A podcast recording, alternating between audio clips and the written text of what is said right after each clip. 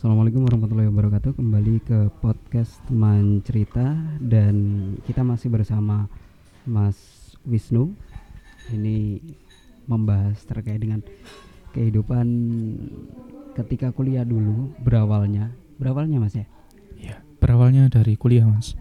Berawal dari kuliah terjun ke dunia kerelawanan. Nah ini uh, mungkin pembahasan yang lebih mendalam mas Terkait dengan dunia relawan. Bahwa relawan itu kan identik ya. Yang yang ditolong adalah manusia pastinya. Pasti nah, itu nah ini relawan versus kemanusiaan. Berarti sangat sangat beririsan dong. Ya kan? Ya. ketika ngomongin relawan ya pasti ngomongin masyarakat. Nah ini uh, ada nggak sih mas kayak ketika kita membantu kita orang Banyuwangi nih terus yang harus kita bantu adalah Lumajang mungkin culture atau apanya berbeda sehingga mereka uh, cenderung untuk apa ya katakanlah mungkin kita masih perlu untuk uh, menyesuaikan culture atau gimana gitu. Ada nggak cerita kayak gitu? Kalau terkait hal tersebut ya mas. Kalau di dunia kebencanaan itu memang setiap daerah punya budaya ataupun culture masing-masing namun pada saat terjadi sebuah bencana, ya di situ yang diutamakan bukan sebuah culture atau budaya, Mas, tapi mm-hmm. memang benar-benar uh, sebuah hal yang harus dilakukan untuk menyelamatkan dampak dari bencana itu, Mas. Ya terkait dengan culture memang ya mau nggak mau kita harus menyesuaikan di situ. Jadi ya kalau identiknya kalau orang datang ke wilayah orang lain ya pasti kita harus mengikuti apa yang ada di situ mas mm -hmm. nggak mungkin orang di sana kita doktrin untuk mengikuti culture kita kan mm -hmm. gitu benar, benar benar karena biasanya katakanlah gini Surabaya itu kan lebih condong meledak-ledak gitu iya kan. secara intonasi memang seperti itu kalau Surabaya nah ketika seorang relawan ini harus uh, mungkin menanggul apa penanggulangan bencana di culture yang lebih halus gitu kayak contohnya Solo lah gitu Jogja gitu. Secara otomatis kan uh, omongannya harus ditata. Uh, mungkin juga ya menyesuaikan memang gitu. Nah ini kan ada cerita di podcast uh, yang kapan hari bahwa biasanya uh, yang ditolong ini malah um, memunculkan sebuah reaksi atau respon yang aneh-aneh gitu kan. Kayak contoh menyalahkan relawannya atau ya lain-lain lah gitu. Apakah ini juga terkait dengan culture atau atau memang kalau sepengam sepengamatan Mas Wisnu oh memang ini ya orangnya sendiri gitu kalau hal-hal yang seperti itu kayak udah mungkin banyak banget mas. Kalau di dunia kebencanaan. Ya khususnya dari bencana yang mungkin lingkupnya luas ataupun lingkupnya nasional itu banyak banget yang seperti itu mas. Karena kalau lingkupnya udah nasional orang dari seluruh penjuru Indonesia itu kadang berbondong-bondong datang untuk membantu. Cuman di situ lemahnya atau kurangnya dari sebuah penanganan bencana itu mungkin dari sebuah koordinasi yang kurang. Hmm. Jadi setiap lembaga atau NGO itu pengen menunjukkan sebuah brandingnya dari NGO-nya masing-masing. Eksistensi. Eksistensi dari sebuah lembaga tersebut. Jadi mau nggak mau mereka yang dituju itu pasti langsung ke penyintas atau si korban. Hmm. Nah hal tersebut kebanyakan itu sering memunculkan sebuah masalah Masalahnya karena apa? Karena uh, sebuah NGO itu kadang datang ke sana dia nggak tahu sebuah informasi dari bencana itu. Tiba-tiba datang ke sana, ketemu korban, tiba-tiba ngasih bantuan. Padahal di situ ada sebuah posko, posko uh, darurat bencana di situ. Hmm. Ada yang mengkoordinasi di situ. Nah, hal tersebut kadang menimbulkan sebuah kesimpang siuran, Mas. Artinya kadang sebuah NGO itu bawa barang atau bawa bantuan itu bukan untuk semua orang yang penyintas, semua orang terdampak. Kadang hanya Hmm. beberapa. Cuman yang dibutuhkan mereka adalah eksistensinya itu, Mas. Sebuah branding dari sebuah lembaga untuk naikkan eh, apa rating dari NGO-nya atau lembaganya itu. pada akhirnya ini sebuah bisnis sosial Ya, dapat dikatakan seperti itu juga sih, Mas. ini yang sensitifnya Nah, gitu. itu sensitif banget. Nanti malah bahasnya ke arah politik kalau kasih. oh gitu nah tapi eh, menarik sih mas di sini yang ingin saya tekankan adalah beberapa kali bencana itu sering kali ada konfliknya adalah ya itu tadi eh, bahwa organisasi-organisasi tertentu langsung masuk langsung memberikan bantuan dan ini dinilai salah gitu kan.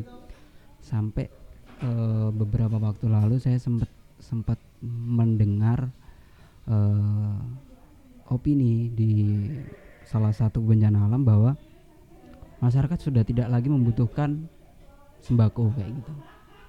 Atau ini sudah membludak kita nggak butuh lagi kayak gitu gitu atau teman-teman banyak yang salah ketika ingin menolong dalam artian mungkin langsung ke sasaran langsung memberikan tapi di situ ternyata tidak merata.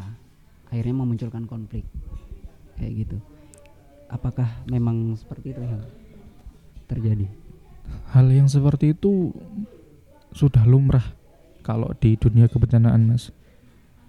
Apalagi ya yang saya bicarakan tadi dengan lingkup bencana yang luas itu pasti banyak memunculkan hal yang seperti itu.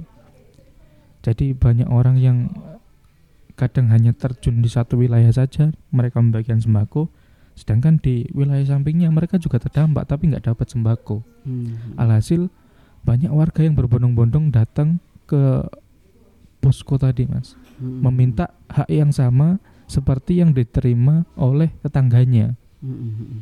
Kadang hal seperti itu terjadi di dunia kebencanaan itu sudah sering banget sih, Mas. Makanya ya mungkin muncul opini hal yang seperti itu ya mungkin dari dasar yang seperti itu, Mas. Makanya muncul opini-opini yang saya sampaikan tadi. nah ini baiknya gitu mas ya baiknya memang harus memberikan langsung atau melalui posko Kalau secara pemerintah kalau secara ranahnya keorganisasian harusnya memang melalui posko mas. Melalui posko karena memang yang mengendalikan sebuah tanggap darurat bencana itu ada di bawah naungan BNPB kalau memang eh, bencananya itu lingkupnya nasional tapi kalau lingkupnya daerah ada di eh, naungan BPBD daerah. Tapi kalau lingkupnya hanya kabupaten ada di bawah naungan BPBD kabupaten.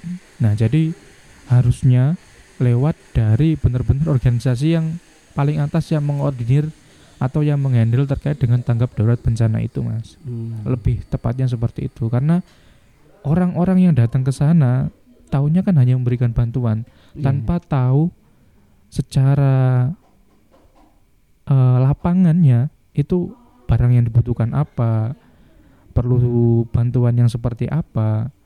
Sampai orang yang terdampak ini berapa kayak gitu-gitu ya Nah, itu, Mas. Oke. Dan selain materi, kira-kira Mas biasanya apa sih yang dibutuhkan ketika bencana alam? kalau terkait dengan bencana alam biasanya yang sering banget dibutuhkan itu dukungan mental mas dukungan mental dari orang-orang yang terdampak atau katakanlah penyintas Mm-mm. ya secara umum ya mas pasti orang yang terkena bencana atau korban dari bencana alam pasti secara mental pasti kaget atau down. Hmm. entah yang ada yang kehilangan rumah biasanya ada yang sampai kehilangan anggota keluarganya juga. Mm-mm. hal-hal tersebut yang perlu banget dibantu. Artinya disupport untuk gimana caranya ya keadaan mentalnya itu bisa normal walaupun memang nggak bisa kembali seperti semula. Gitu mas itu yang eh, mungkin sampai sekarang setiap kali bencana alam itu juga suatu hal yang pasti diunggulkan mas. Maksudnya diunggulkan itu menjadi prioritas yang diutamakan di dalam eh, tanggap darurat bencana itu sendiri mas. Karena kalau ngomongin materi sudah jelas gitu ya bahwa ketika ada bencana alam ada kerusakan yang terlihat. Ada mungkin eh, pangan yang mereka sudah kehilangan sumbernya sehingga kita harus memasok gitu. Dan masyarakat lebih apa ya secara awam secara global ya memang yang paling mudah dilakukan adalah itu gitu kan ya memberikan Iya. support itu gitu. Nah tapi di sini ternyata dampak psikologi yang kemudian eh, menjadi hal yang tidak boleh di apa ya istilahnya dikesampingkan kayak gitu nah biasanya trauma-trauma seperti apa sih Mas, biasanya. Biasanya itu kalau yang pernah saya alami ini mas ya. Yang pernah saya alami banyak banyak kan trauma itu dialami oleh eh, anak usia dini Hmm. sama lansia mas. Ya mungkin karena anak usia dini itu mungkin mentalnya masih eh, belum terbentuk kayak usia-usia remaja sampai dewasa mas ya. Mm-mm. dan juga eh, lansia-lansia seperti itu mas. Dan kebanyakan ya sampai ada yang nggak mau sekolah lagi. Kalau anak-anak usia yang dini yang masih sekolah kadang sampai ada yang mengurung diri. Maksudnya nggak mau berbaur dengan orang lain mas. Ya karena ya mungkin hasil dari bencana alam itu dampaknya seperti itu mas. Itu harus direlokasi atau gimana mas Eh, kebanyakan pasti eh, diungsikan mas. Diungsikan namun sesuai dengan keinginannya. Biasanya kalau memang eh, hal tersebut dia pengen disendirikan ya disendirikan mas. Tapi kebanyakan kalau sekarang di pengungsian-pengungsian pasti ya sama dengan keluarga-keluarga yang lain atau anggota pengungsi yang lain juga mas. Oke, berarti ada satu PR gitu ya. Ketika ada bencana, yang saya tangkap adalah kita harus mendalami dulu bentuk traumanya seperti apa, kemudian dikasih penanganan yang sesuai gitu ya. nah itu mas Karena kan kalau di katakanlah dipatok sama rata gitu kan, takutnya bisa malah itu. nggak nggak bisa nggak efektif gitu ya Hmm. karena kemarin eh, saya sempat ya berpikir gini awam gitu kan ya. Ketika ada bencana banjir anak-anak kecil ini mungkin ada yang barang-barang kesayangannya hilang atau juga mereka sempat eh, apa ya kayak terdampak dengan banjir hingga akhirnya eh apa ya kelelep itu apa mas? Terendam mas. Terendam terendam. ya. terendam sehingga ada trauma-trauma tertentu terhadap air kayak gitu. Atau ketika orang-orang riweh ini anak apalagi kejadiannya ketika malam gitu kan ya. Ketika malam dia sudah tertidur tiba-tiba orang-orang di sekitarnya itu rame. Saya saya melihatnya wah ini bisa menjadi trauma tersendiri gitu kan ketika sudah mulai tertidur kemudian harus bangun setengah sadar ini ya. Iya iya. Setengah sadar eh, kondisinya di sekelilingnya sudah penuh dengan air kayak gitu kan. Nah ini pasti memunculkan trauma-trauma tertentu gitu. Pasti itu mas. Apalagi sampai barang-barang mereka hilang gitu ya. Ya barang-barang apalagi kalau keluarganya yang hilang mas. Wah ini. Itu yang mungkin menjadi trauma dalam banget itu. Mm-mm. dan yang sampai sekarang menjadi pertanyaan saya gitu kan. Ketika kan gini biasanya anak gitu kan kayak contoh tsunami. Itu kan berarti berhadapan dengan air gitu kan ya? Iya mas. Ada nggak sih anak-anak yang pada keadaan tertentu sampai trauma terhadap air kayak banjir gitu kan secara otomatis trauma gitu. Dan dia nggak nggak nggak bisa hidup di situ lagi. Harus harus pindah. Kayak contoh kan tsunami. Kan identik dengan air dan pantai gitu kan mas. Biasanya anak-anak yang terdampak tsunami gitu kan dia melihat pantai udah takut duluan. Kayak gitu kan. Nah ini harus direlokasi atau gimana pada akhirnya? Kalau mengenai hal tersebut, uh, saya pribadi nggak bisa memutuskan sih mas terkait dengan hal tersebut, karena hal tersebut itu ranahnya nanti lebih ke psikolog atau psikiaternya. Hmm. hmm, hmm, hmm. Jadi, Jadi uh, saya sendiri kan di sini basicnya memang relawan, cuman hmm. sering banget menangani terkait dengan layanan dukungan psikososial itu, mas. Nah, saya sendiri juga pernah mencari sebuah informasi bagaimana sih cara bisa mengembalikan mental yang down atau katakanlah menangani sebuah trauma entah itu pada anak-anak, remaja, dewasa maupun lansia. Hmm, hmm, hmm. Cuman pada saat itu secara jawaban tolak ukur yang saya harapkan menjadi sebuah tujuan yang harus dicapai dalam layanan dukungan psikososial itu masih belum saya dapatkan mas. Hmm. Jadi kalau memang uh, bilang hal tersebut memang perlu banget memang perlu mas. Tapi ya yang perlu digarisbawahi hal tersebut memang perlu ilmu yang lebih dalam. Artinya benar-benar orang yang paham terkait dengan hal tersebut.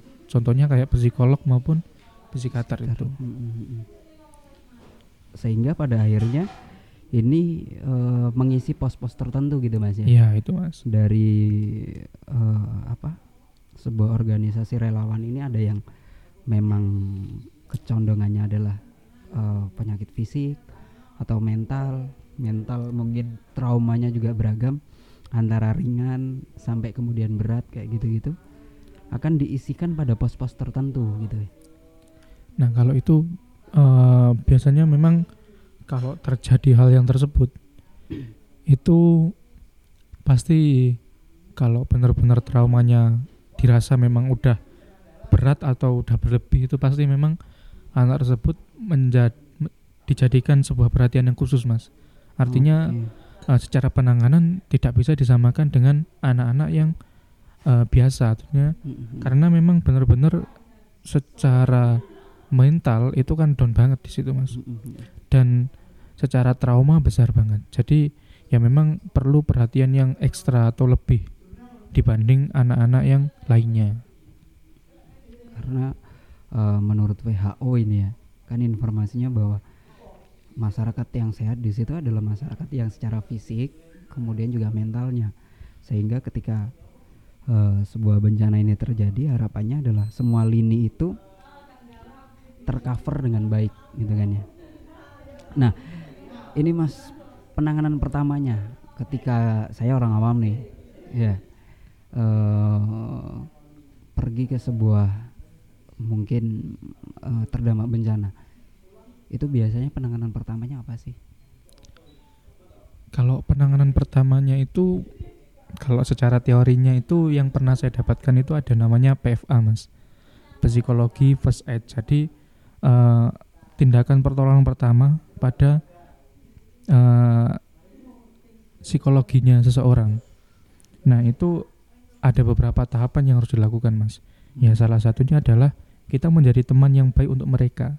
Okay. Artinya pertama ya tetap kita kita kenalkan kita siapa. Hmm. Semisal mereka bercerita, mereka curhat tentang keadaannya, ya kita dengarkan. Hmm. Cuman jangan sampai uh, pada saat kita menjadi pendengar yang baik, kita juga menjadi penjanji yang baik. Artinya kadang setiap orang yang datang ke situ untuk melakukan layanan dukungan psikososial kadang sering menjanjikan. Nah hal tersebut kan pasti diingat terus oleh korban-korban itu. Hmm, hmm, hmm. Dijanjikan mainan, dijanjikan sembako, dijanjikan apa pun itu. Hal-hal tersebut itu, gitu. uh, itu yang sangat tidak diperbolehkan mas. Hmm ya kita mengikuti apa yang dimau oleh si korban dulu. Jadi kita dengarkan so, mereka cerita tentang keluarganya, ada yang meninggal kita dengarkan. Tapi jangan sampai kita sudah bisa memunculkan sebuah solusi di situ. Mm-hmm. Nah, artinya ya kita tetap menjalin menjalin komunikasi untuk mencari data awalnya lah intinya, Mas. Karena sebuah trauma atau katakanlah mental yang down itu nggak bisa disembuhkan dengan sekali jalan saja. Hmm. Perlu pendampingan secara khusus. Nah, makanya itu ada tahap-tahapnya, mulai dari menjadi pendengar yang baik, eh, terus mendengarkan keluh kesahnya dari si korban, Mm-mm. tidak mencela apa yang sudah terjadi pada korban. Nah, itu yang perlu kita perhatikan juga, Mas. Oke, yang saya garis bawahi adalah di situ semua mereka memiliki sebuah mungkin pengalaman dan trauma tersendiri dengan bercerita akhirnya kita eh, mencoba untuk mendalami gitu ya Nah, itu, Mas. apa yang mereka perlukan gitu kan. Jadi benar-benar kita menggali sebuah informasi yang valid di situ. Jadi pada saat nanti kita udah dapat informasi secara penanganan kita bisa tepat sesuai dengan sasarannya. Mm-mm. Bukan ujuk-ujuk kita datang ke sana kita melakukan LDP tanpa tahu yang mereka butuhkan seperti apa. Mm-mm. Itu sih mas. Nah ini kalau seandainya mas relawan yang ke situ itu tidak hanya satu, penanganan psikologinya bagaimana? Apakah kalau khusus psikologi itu satu orang ya satu menangani satu orang kayak gitu? Kalau yang biasanya saya temukan di wilayah kebencanaan ya mas, itu biasanya dibagi per kelompok sih mas. Hmm. Ada yang mengcover area A, B, C, dan seterusnya sih mas. Ah, ini yang kemudian pentingnya sebuah posko ya. Nah, untuk, Untuk- mengkoordinasi itu sih mas. Mm-mm.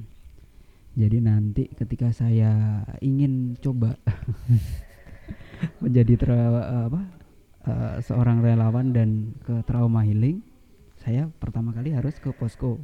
Iya, Habis itu mungkin menceritakan latar belakang apa segala macam, baru kemudian menunggu keputusan untuk ditaruh di mana ya, gitu ya. sekiranya saya bisa dengan kemampuan saya saya bisa bantu di mananya gitu. Mm-mm. Jadi nanti biar sesuai dengan kemampuannya kita bantu sesuai dengan sasaran juga mas. Oke, karena kemarin itu waktu di Kalibaru itu kan trauma healingnya nggak harus nggak harus apa ya praktisi psikolog kan ya ada yang hiburan kayak gitu gitu kan ya untuk eh, mengalihkan titik fokus orang-orang ketika terdampak bencana seperti apa hingga sedikit beban itu terurai gitu. Iya sih mas. Nah kemarin juga kan saya juga menemukan sebuah jawaban Mm-mm. dari kalau nggak salah itu ya dari teman-teman eh, yang memang bergelut di bidang layanan dukungan psikososial. Saya pernah tanya begini mas, Eh, Pak Bu, layanan yang kita berikan kepada korban atau penyintas itu dikatakan sudah berhasil dengan indikator seperti apa? Mm-mm. Mereka menjawabnya memang secara indikator keberhasilan itu tidak ada. Cuman pada saat kita sudah melihat orang tersebut ataupun anak tersebut itu sudah bisa senyum dan sudah bisa melupakan sebuah kejadian sebelum-sebelumnya, dirasa apa yang kita berikan kepada mereka itu sudah cukup berhasil di situ. Mm-mm. Jadi intinya kan hanya mengalihkan sebuah fokus mereka yang dari korban, contohnya korban banjir, mereka udah nggak mengingat-ingat lagi kejadian hal Mm. tersebut.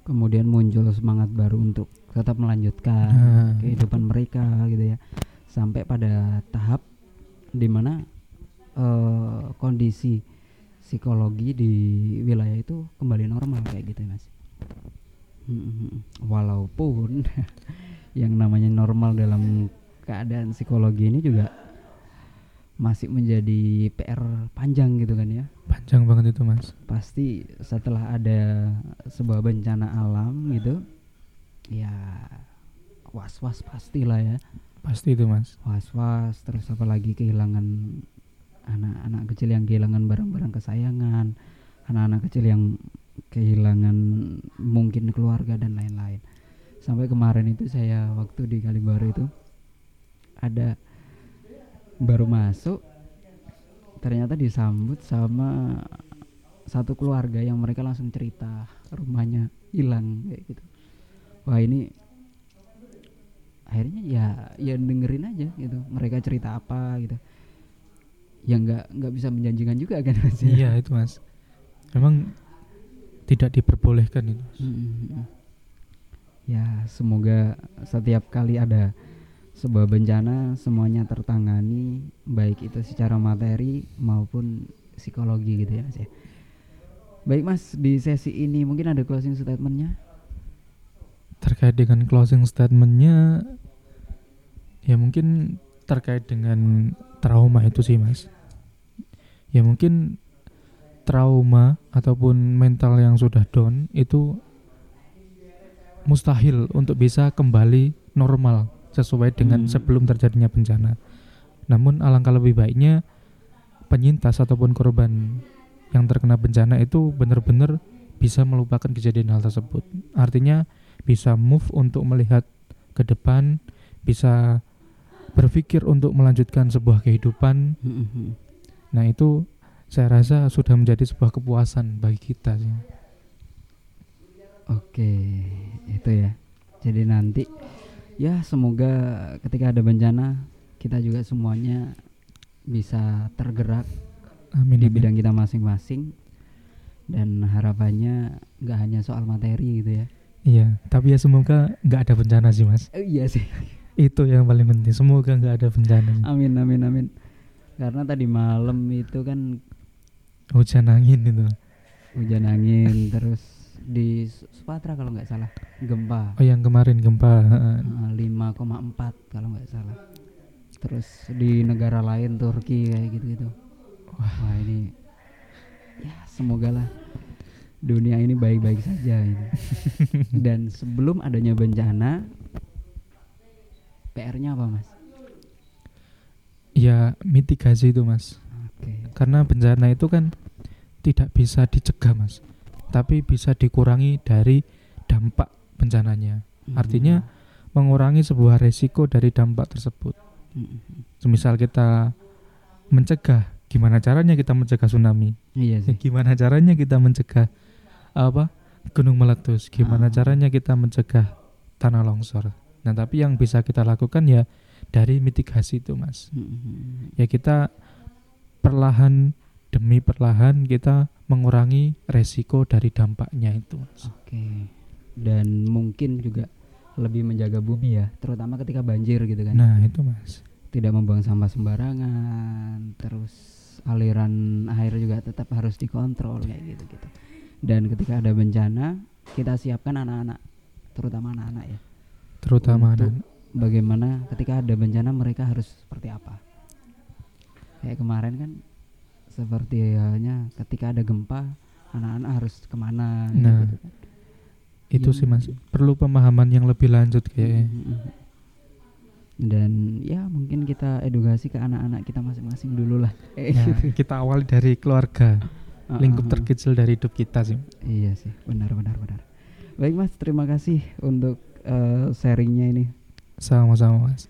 Saya rasa ini juga bermanfaat untuk yang lainnya sehingga kita bisa saling menjaga satu sama lain. Baik Mas Wisnu, kurang lebihnya mohon maaf. Assalamualaikum warahmatullahi wabarakatuh. Waalaikumsalam warahmatullahi wabarakatuh.